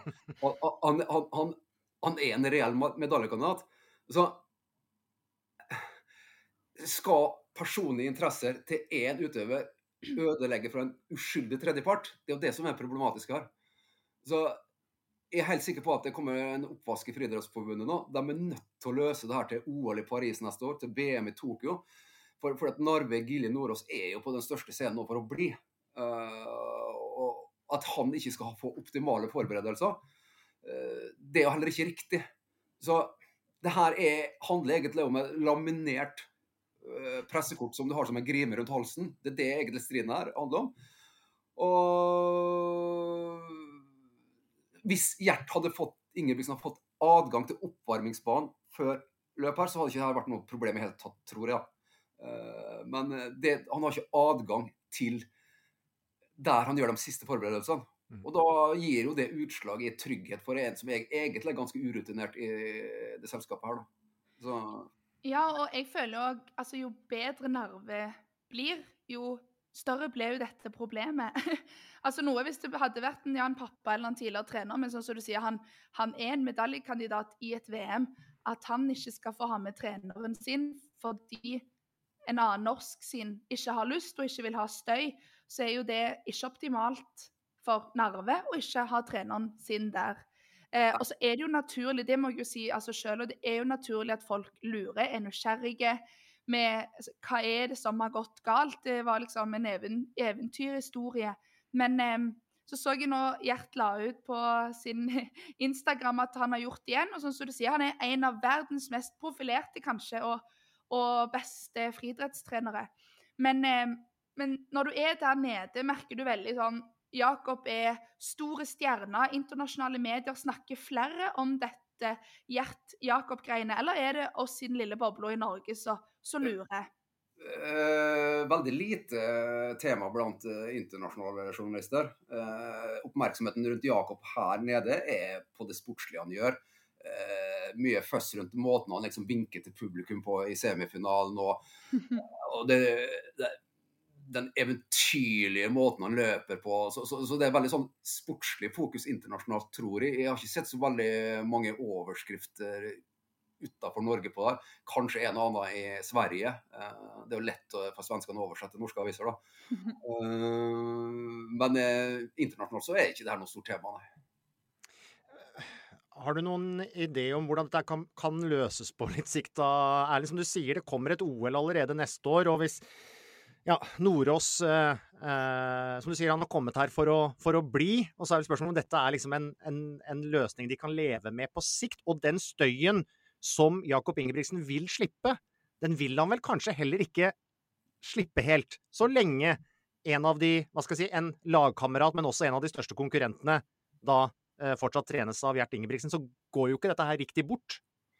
Nei, det, det er en kjempevanskelig sak på alle mulige måter. Uh, men jeg tror det er viktig at uh, høsten brukes godt der uh, alle parter snakker med hverandre og får at begge parter skal få optimale løsninger. da. så men så er OL er jo også litt annerledes. da. I et VM så er det mer vanlig å ha med personlige trenere. Mm. Men det er kvotene, så vidt jeg har skjønt, er mindre i et OL og for å få ei trenerakkreditering. Men det er veldig lett for meg å sitte her og si, sitte med fasit, men i en ideell verden, hvis Narve Gilje Nordås hadde fått med treneren sin på oppvarmingsbanen, mm. eh, fått en eller annen slags løsning på den biten der uten at det forstyrrer forberedelsene til han andre, eh, så det, ville det vært eh, det beste. Men om det er mulig å få til, det vet jeg ikke. Men først må man komme til forhandlingsbordet. Starte der, tenker jeg. Og så vil jeg også det, det, det, er jo litt sånne stikk her og der, og det er jo litt småbarnslig også, da. Liksom Heller mer bensin på bålet hjertet ved å legge ut den der Ops, I did it Instagram-posten sin. og uh, han, uh, Narve han sier at han ikke vil snakke om det, men så snakker en likevel indirekte om det her. Og det er jo med på å skape støy, det òg, da. Som er jo litt skyld i det, den leiren der òg. Eh, men jeg har et inntrykk av at uh, Jakob har uh, Sånn som han har fremstått når jeg har snakka med han etter løpene, så ser han i hvert fall ikke, Det ser i hvert fall ikke ut som han har opplevd noen energilekkasje. For han, han har, han har sprudla virkelig. Etter 1500-meteren på lørdag så satte jeg meg stoppeklokka og snakka med en i tre minutter og tre sekunder. Mm. Hallo. Vanligvis så stopper en i 40 sekunder. Uh, og tatt seg god tid, smilt, lange, utdypende svar. Uh, han ser rett og slett ut som en million. Uh, da er det med andre ord bare å glede seg til finalen onsdag kveld. Eh, det kan bli Hva var det du skrev da, Erlend? Et, et kjølig drama? Eh, Ja, men, jeg, vil lyst tilbake til Steve Ovet og Seb Coe. Jeg vet ikke om du Asbjørn husker dem, men eh, i hvert fall hørt om dem. og det der benka hele Storbritannia seg foran hver gang det var en 1500 meter eller 800 meter i et OL eller et VM eller et EM. Og det, det var liksom De to splitta nasjonen. Heia, det var, de hadde hver sin lærer. Det var ikke noe mellomting der. Og det her var eh, det sosieté... Eller han godt skolerte, høyt utdanna, velstående Seb Kov mot arbeiderklassen-gutten Steve Ovet. Det var et fascinerende drama på sin måte. Det her er nok en mye mindre målestokk, og det her er jo egentlig bare Vi skal ikke sammenligne for mye, men, men likevel. Liten rivaliseringslikhet der. konflikter, samme ja, konflikter og, og, og drama, det, vi lever jo på mange måter eh, av det. Og så er det fantastisk i hvert fall at eh, det stadig kommer nye norske friidrettsutøvere som, eh, Ja. som hevder seg helt i toppen, og flere skal det vel eh, bli. Det er vel en eh, Det kommer flere her, skjønner du. Ja. er Vi, vel vi, har jo, vi har jo en 400-meterløper som jeg ser konturene noe veldig stort på. ja, Er det ikke en unggutt fra Mo, Moelv, er det det? Håvard Ja. Ingeborgsen. han er 20 år. Han ble ferdig med tenårene for et halvt års tid siden, eller noe sånt. Og han har tatt monstersteg på to år. Han er liksom persa fra høy 49 til 44-39 på to år og tre måneder eller noe sånt. Det er massivt. Og det, det er bare én jeg har sett sånn to jeg har sett så store forbedringer på. Det er Jakob Ingebrigtsen og Karsten Warholm. Uh, ja. Herlig. Eh, da gjenstår det vel egentlig bare å se om Gjert Ingebrigtsen, som har ligget ganske lavt nå de siste dagene, med unntak av en Instagram-post, om han dukker opp i en eller annen kameralinse i forbindelse med, med finalen eller dette, dette mesterskapet. Kos deg videre i eh, Budapest, eh, Erlend, forhåpentligvis så får du noen norske gull å skrive hjem om. Jepp. Takk for det. Ja, historisk sett så er jo seiling da den idrettsgrenen der Norge har hevdet seg best i sommer-OL. Eh, vi tok to gull allerede i 1912. Eh, og den foreløpig siste medaljen eh, kom jo i Tokyo-OL, som da ble arrangert for to år siden. Herman Thomas Gaard, bronse i laserklassen. Og i OL i Seoul i 1988, da var vi ganske langt unna de bedriftene vi f.eks. har på friidrettsbanen i våre dager. Men seilerne, de leverte en ny medalje. Ole Petter Pollen, du og Erik Bjørkum, OL-sølv i den klassen som kalles Flying Dutchman. Jeg tror vi skal begynne der, jeg, for de som ikke er så inn i seiling. Det er mange klasser, og det har variert opp gjennom OL-historien. Hva slags båt er en Flying Dutchman når vi snakker om eh, seilsport? Ja, altså det sånn Generelt for de som ikke er veldig innvidde, så er det en tomannsjolle. Altså det er en båt hvor det sitter to stykker oppi, og så er det en som står i en trapes, og det var Erik. Og de er svære, kraftige karer. Eh, og så er det jo oss litt mindre tynne rormennene som sitter bak og styrer. Så det var på en måte, du kan si, en, en planende tomannsjolle som var veldig high-tech på den tiden. Nå er ikke den i OL-programmet lenger, for at nå er det andre high-tech-båter vi har. Blant annet som vi kan, kommer til å følge nå i altså Den båten som har tatt over for Flying Dutchman, er på en måte den, den som heter 49er. Og i neste OL, som da er i Paris eller Marseille for seilerne, så får vi jo da en veldig sterk jentebåt, eh, blant annet, tror vi. Og kanskje en guttebåt. Så, så Flying Dutchman er ute av det nå, da, men, men det var det vi holdt på med. Du, eh, OL i Seoul i 88, du var jo også med fire år eh, senere i, i Barcelona. Eh, men eh, fra 88, OL hvor dere sto igjen med, med OL-sølv, hva, hva husker du best fra, fra Sør-Korea den gangen? Nei, du kan si jeg, altså, Generelt igjen så er det jo sånn at et sommer-OL er et ekstremt stort. Altså, og vi som utøvere reiser jo rundt i et worldcup-sirkus eh, kanskje i fire år. Og eh, da er vi en svær gjeng, og det tror jeg er gjengs for veldig mange idretter. eh, At du er en stor gjeng i de du reiser sammen med. Og det er jo en veldig internasjonal gjeng. Og så kom man til OL, og det skjedde jo også for så vidt i 88 for oss.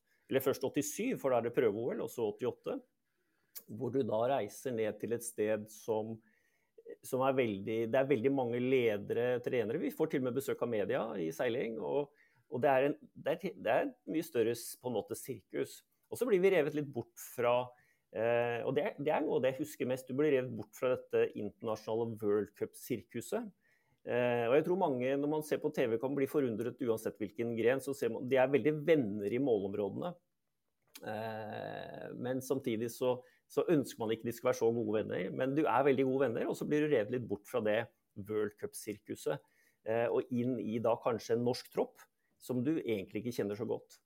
Eh, akkurat i 88 så vi, var ikke vi i Seoul, vi var i Pusan, som var 1 12 time flytur fra Seoul. Så vi var fortsatt ganske alene. Men man husker jo at det er veldig voldsomt. Altså, eh, det er mange rare historier fra den tiden. Altså, eh, vi får jo besøk av eh, Det var på den tiden hvor WADA, altså dopingdelen, begynte. Eh, og Norge var jo veldig langt fremme der.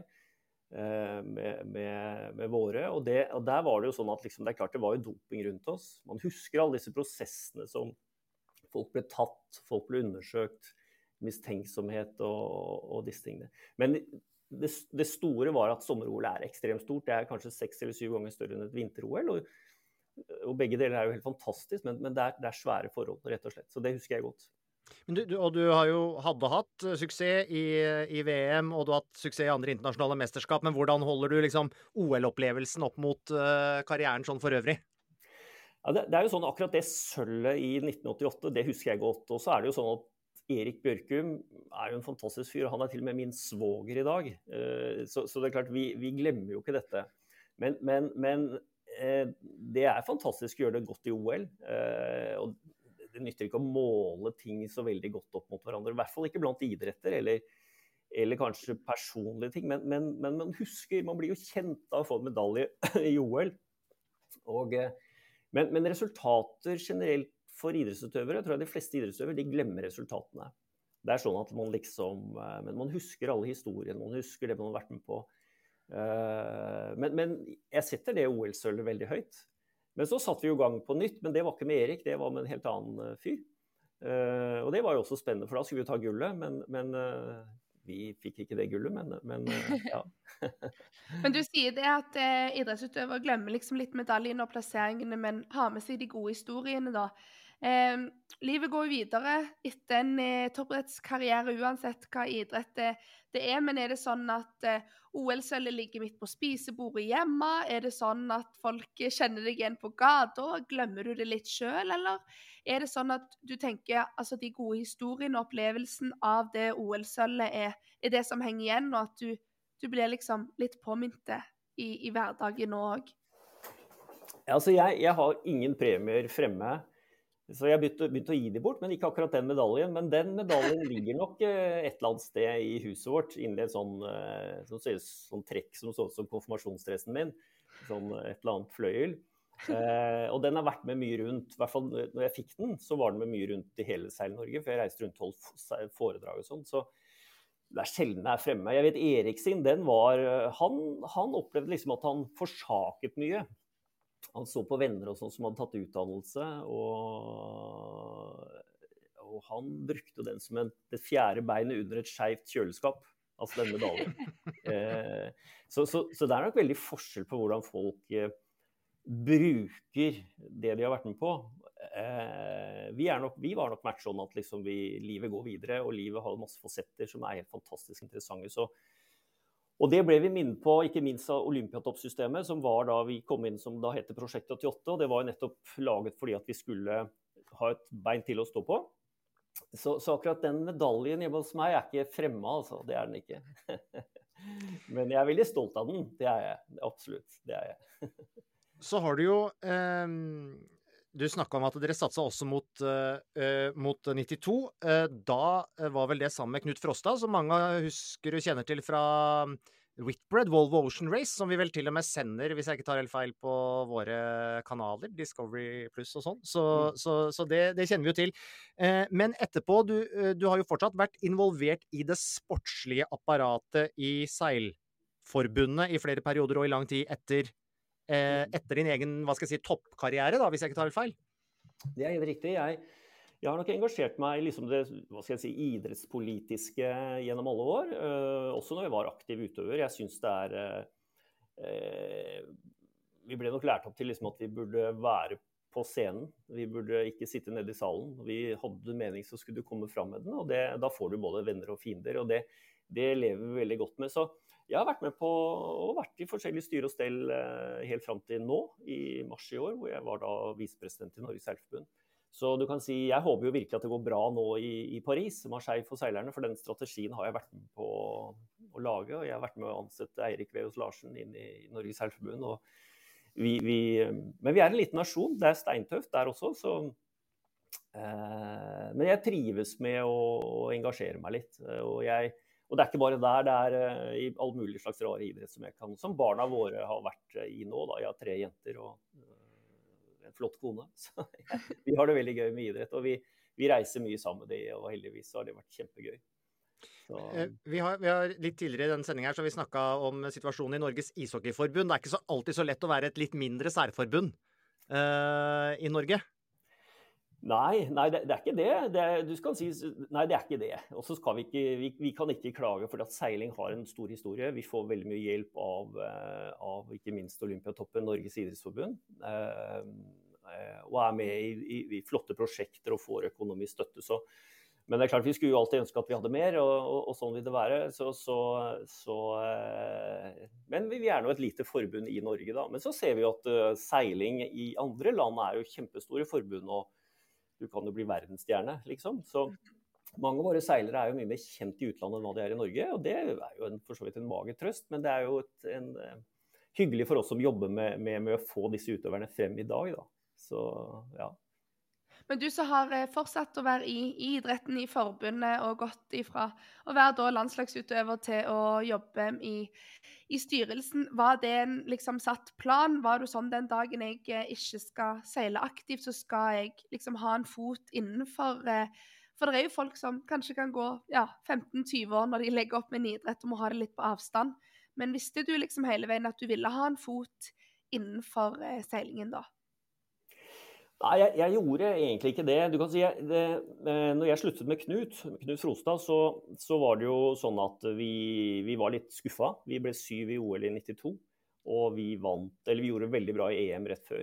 Eh, så vi bommet på den såkalte psykologiske formtoppen, som er liksom det som egentlig skiller i toppidrett når du kommer til et OL. Det er liksom hodet ditt. Alle har gjort jobben, alle er fysisk kjempegode, men, men i sånn type idrett som seiling, så er det hodet som skiller. Vi Knut satte i gang, eh, kanskje litt basert på tilfeldigheter også, men han satte i gang disse store, flotte prosjektene han har drevet. Eh, og eh, så ble det da naturlig for meg å liksom være litt på sidelinjen. Jeg tenkte shit, jeg kan jo ikke bare hoppe ned fra, fra, dette, jeg må også være med. Jeg hadde ikke lyst til å seile med han rundt jorden, ikke, det, ikke fordi det var han, men jeg hadde lyst til å gjøre helt andre ting. Så, og jeg er veldig god venn med Knut, han er fadder til en av våre døtre. og, og sånn, men, men, vi, eh, men det var liksom sånn at det var ikke banket i stein at jeg skulle bli idrettspolitiker, noe jeg for så vidt ikke føler at jeg er. Men, men, men eh, jeg har lyst til, hatt lyst til å bidra. Jeg har virkelig det. Og ikke minst kanskje fordi jeg var jo med på en tid som var ganske voldsom. Altså, eller det er jo alle idrettstid Alle epoker er voldsomt, og det ser vi jo. Vi ser jo verdensrekorder nå stadig vekk faller i friidretts-VM og sånn. Den gangen jeg var med, så var det jo mye som skjedde i idretten. ikke sant? Jeg nevnte jo WADA som kom, altså denne dopingkontrollen. det ble til WADA. Og Det var jo en tid hvor hun Flojo, altså Florence Griffith Johnner, løp på 10,49, som fortsatt er verdensrekord på 100 meter. Ben Johnson løp 9,79 på 100 meter, ble tatt for juksing to dager etterpå, sendt hjem fra Seoul. Carl Lewis levde fortsatt og løp. Og verdensrekorden i høyde, så vidt jeg husker, er jo 2,45, satt av Sotomayor. og liksom skulle ikke forundre meg om en kvinneverdensekord også ble satt på 90-tallet, så på høyde. Så det var en tid hvor veldig mye skjedde i idrett, og vi fikk mye påvirkning eh, rundt oss. En annen ting som skjedde i 92, var at dette såkalte Dream Team fra USA, altså basketgjengen med, med, Jordan og Johnson og Pippen og disse, spilte jo. Vi satt i matsalen sammen. Og vi, vi ble jo på en måte venner med stor respekt. Eh, jeg husker Boris Becker var der, vi snakket sammen. Du fikk påfyll av ting som påvirket deg. Det, alle de rare tingene tror jeg gjorde, liksom gjorde at du kan ikke helt slippe idretten. For du ser at Alt dette er mennesker med forskjellige høyder og bredder og sånn, men, men, alle har liksom en veldig sterk kraft i seg til å drive idrett og, og drive idretten videre. Så, så eh, det har kanskje påvirket meg litt. Og ser liksom tilbake på at det var en voldsom tid, og jeg har lyst til å påvirke det å bli en flott tid videre. Det, det, er vel noe mange nevner òg, at eh, den opplevelsen i et OL av å rett og slett eh, dele, dele matsal og deltakerlandsby med, med de største utøverne i alle idretter fra hele verden, er på en måte kanskje det, det aller største. Og så har du, Men du har, du har, holdt deg litt sånn på vannet eh, i din private Eh, hva skal jeg si, pri private virke også, eh, i tillegg, etter at du, etter at du var konkurranseseiler? Ja, ja jeg, jeg, jobber jo med, med båter i dag. Jeg, jeg, jeg er utdanna i byggebransjen og har jobbet, jobbet, en del år i Veidekke. Og uh, hadde det veldig bra der. De støttet oss også når vi, som sponsor, altså Veidekke ASA. Og så nå jobber jeg med båter, og det har jeg gjort i 20 år. Og er, da har jeg en veldig fri mann. Så, så, jeg jobber veldig mye i utlandet, og, eller med utlendinger så, og utenlandske kunder, og det trives jeg godt med. Da reiser jeg en del også. Men da går det ikke bare i seilsportjoller? Absolutt ikke. Det er helt andre typer båter. Det er det. det, er det. Så, så, det er ikke så altfor mye penger og så mye lønn i seiljoller, tror jeg. Det... Nei, så det jobber jeg med. Mm. Vi gleder oss i hvert fall til OL i eh, Paris og Marseille og litt andre steder i Frankrike, og vel til, til og med på Tahiti eh, neste, neste, år. De må spre det litt eh, rundt omkring. Seiløvelser i, i, Middelhavet, da. Så det blir sikkert bra. Så håper vi jo, eh, Ole Petter, på at de hva skal jeg si, norske, stolte seiltradisjonen at den fortsetter i, i OL i 2024. Det får vi håpe.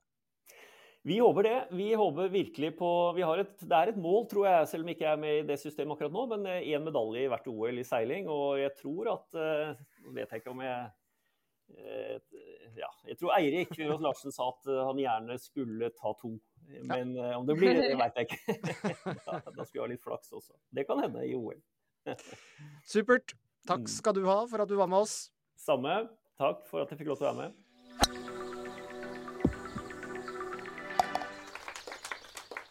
Stort mer indre bane får vi jo ikke der vi er nå. Nå står vi altså ved en sånn bunker her. Her trener alle verdens beste golfspillere. Sånn bunker. Sånn derre bunker. ja, ja, når man spiller golf, så er det sånn der. Ja, ja. Og det er jo sikkert mange som nå misunner både deg, Marius, deg, Espen og meg. Og, det er vel fortjent, det. Men en som gjør at vi er her, det er, det er Viktor Hovland. Mm. Eh, og det er sikkert mange nå som misunner han hvor god han er i golf for tiden. Mm. Nå like før Tour Championship. Hva har skjedd? Jeg tror ikke det er så mye som har skjedd, annet enn at han har fortsetter jo bare å jobbe.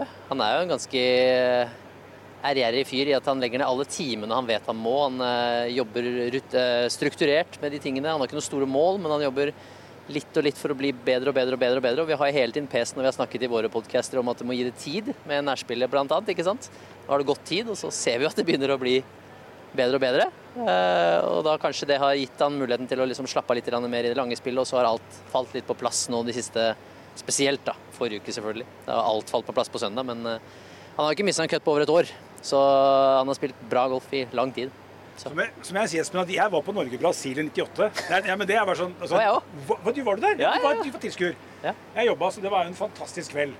Og så har man ting som man liksom huker av på sånne ting man kan snakke om på aldershjemmet. Du var der på søndag, du. Det ble liste. Ja, da, da han skøyt 61. Hvordan var det? Det var litt eh, Jeg, snakket jo med, med Shay Caddien altså nå i stad, og han hadde litt samme mindset som jeg hadde den dagen. Liksom, når jeg kom av Greenpool 18 og skulle sette opp ting for intervjuene etterpå, så bare var det akkurat som jeg snappa back to reality omtrent. Det var det sånn, Da plutselig innså jeg egentlig hva som hadde skjedd, fordi den, spesielt de siste ni der var litt sånn surrealistisk. Jeg bare Eh, var liksom så Jeg var litt inne i min egen verden, jeg òg. Og bare liksom kom ikke ut av den før jeg på en måte innså Oi, der bomma Schäffler på 17, og Viktor skulle ta det. Så det, det var helt ellevilt. Og eh, Viktor har jo slitt litt på søndager i de store anledningene tidligere. Nå eh, kan du se at han gjorde det totalt motsatt av det denne søndagen. Han har jo vist òg i turneringene før det at han liksom har prestert bedre og bedre og virka mer og mer avslappa. Så jeg tror ikke bare eh, den søndagen ga han seieren i en av de sine største serier i karrieren, men òg gir han så mye selvtillit inn i denne uka her. For du, vi var jo så på treningsrommet i går. Vi satt jo bare og lo. Det så jo så lett ut. Så ja, jeg, jeg, vil, jeg, vil, Akkurat nå så mener jeg han er den største favoritten. Men og Det er interessant fordi at golf, golfspillet går jo opp og ned. Det vet jo alle som har spilt golf. Ja. Altså, Hold i bare fire dager til. Ja. Ha det greiene. Du, han vinner jo med ti slag hvis han er så god. Hvis han spiller sånn som han gjorde på søndag, så vinner han med ti slag. Det er jeg ikke noe tvil om. Men uh, han ser best ut av de som er der oppe akkurat i skrivende, snakkende stund. Men du har spillere som ikke trenger så veldig mye for at det skal klikke i umiddelbar nærhet. Du har Ram som trenger bare en liten spark, så kommer han til å fly av gårde. McIlroy vet vi at har henta inn, han, inn, han var vel elleve bak på et tidspunkt i fjor, McIlroy, og vant. Uh, og Scheffler vet vi at hvis han, uh, hvis han ikke gir seg noen putter under to meter, hvis han bare gir seg putter over to meter, og, og så er han helt fantastisk i longgamen, så det er ikke sånn at vi bare tenker at han kan valse gjennom. Men Victor ser veldig bra ut. Mentalt sett er han helt på riktig sted. På tross av to tunge uker nå, så ser det ut som han har masse energi. Uh, det samme sa Shay, spurte om du var sliten. Nei, ikke i det hele tatt. Så de har nok masse energi, masse motivasjon.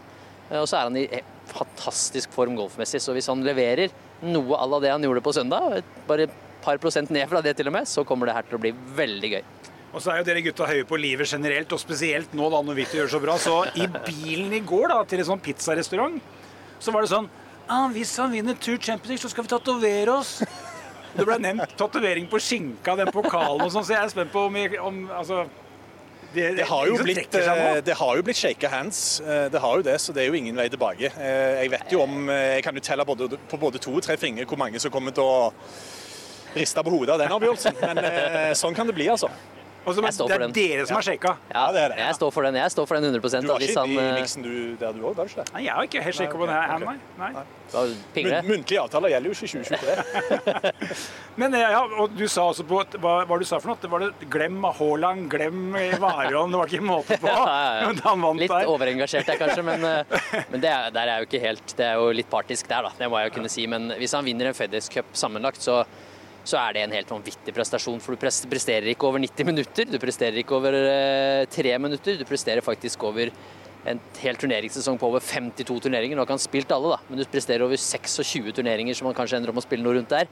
Og du presterer altså så bra over tid, og ender opp da med å vinne hele greia. Så det vil være en helt vanvittig prestasjon hvis han skulle klare å gå hjem og vinne hele FedEx-cupen. Og for meg, som er da en golffan, så vil det være det største. Ok, Da får vi vite på søndag, da. Og så syns jeg vi skal gi, gi, lytterne og seerne en liten utfordring. Ja. Kan ikke de da skrive hvor de vil at den tatoveringen skal være, da? Ja, kjør på. Ja, Og gjerne størrelsen på nå. Kan ikke love at det blir gjennomført, det de foreslår. Og det er ikke less is more. Her er det Skal vi legge alt oppi en kopp og så bare trekke? Så... Ja. Det hadde vært litt gøy, faktisk. Ja, da blir det, da blir det da, Hvis vi gjør det, så blir det med podkasten vi skal ha med Viktor når han kommer hjem i desember. Så skal han få lov å trekke hadde vært gøy hvis han får lov å tatovere òg, men Vi får se. Vi skal ha en tatovør klar til dere. Ja, det blir, jeg er med. Jeg er med. Okay, det var alt fra indre bane. Husk at du kan se Tour Championship med Viktor i ja, helt i teten både på Discovery Pluss og på Eurosport Norge. Vi gleder oss ekstremt.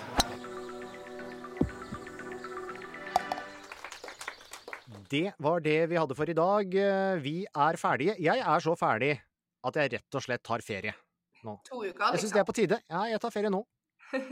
Nå har jeg holdt ut to episoder etter sommeren. Da må vi legge inn en liten hvil. Hæ? Jeg er helt enig med Kjørt. To, to ganger på ferie. To, to på ferie. Men nei, vel fortjent ferie, Asbjørn. Og det er jo ikke hvem som helst som stepper inn for deg som, får være, som jeg får være med de to neste ukene.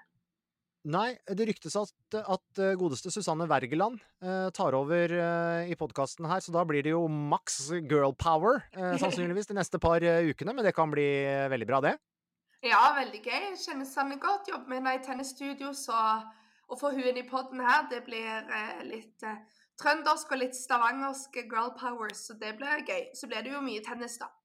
Ja, det blir sikkert mye tennis og sikkert annen oppsummering. Vi kan jo ha et Champions League-lag i fotball, faktisk, innen onsdag neste uke, hvis Molde gjør jobben mot uh, Galdasaray. Det høres jo litt uh, tøft ut, men uh, det skjer mye spennende, og vi kan jo ha en Viktor Hovland som bare gruser alle og sementerer plassen sin som verdens beste golfspiller, til og med. Så ja, det går ganske godt om dagen.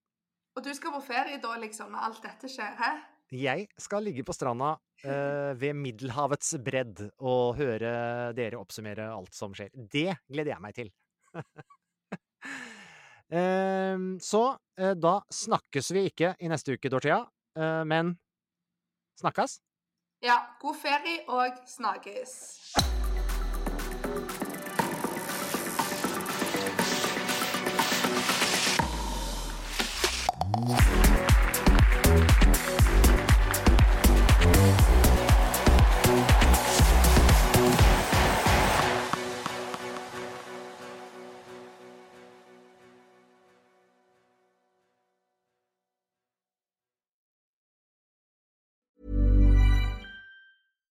When you drive a vehicle so reliable it's backed by a 10 year, 100,000 mile limited warranty, you stop thinking about what you can't do and start doing what you never thought possible. Visit your local Kia dealer today to see what you're capable of in a vehicle that inspires confidence around every corner.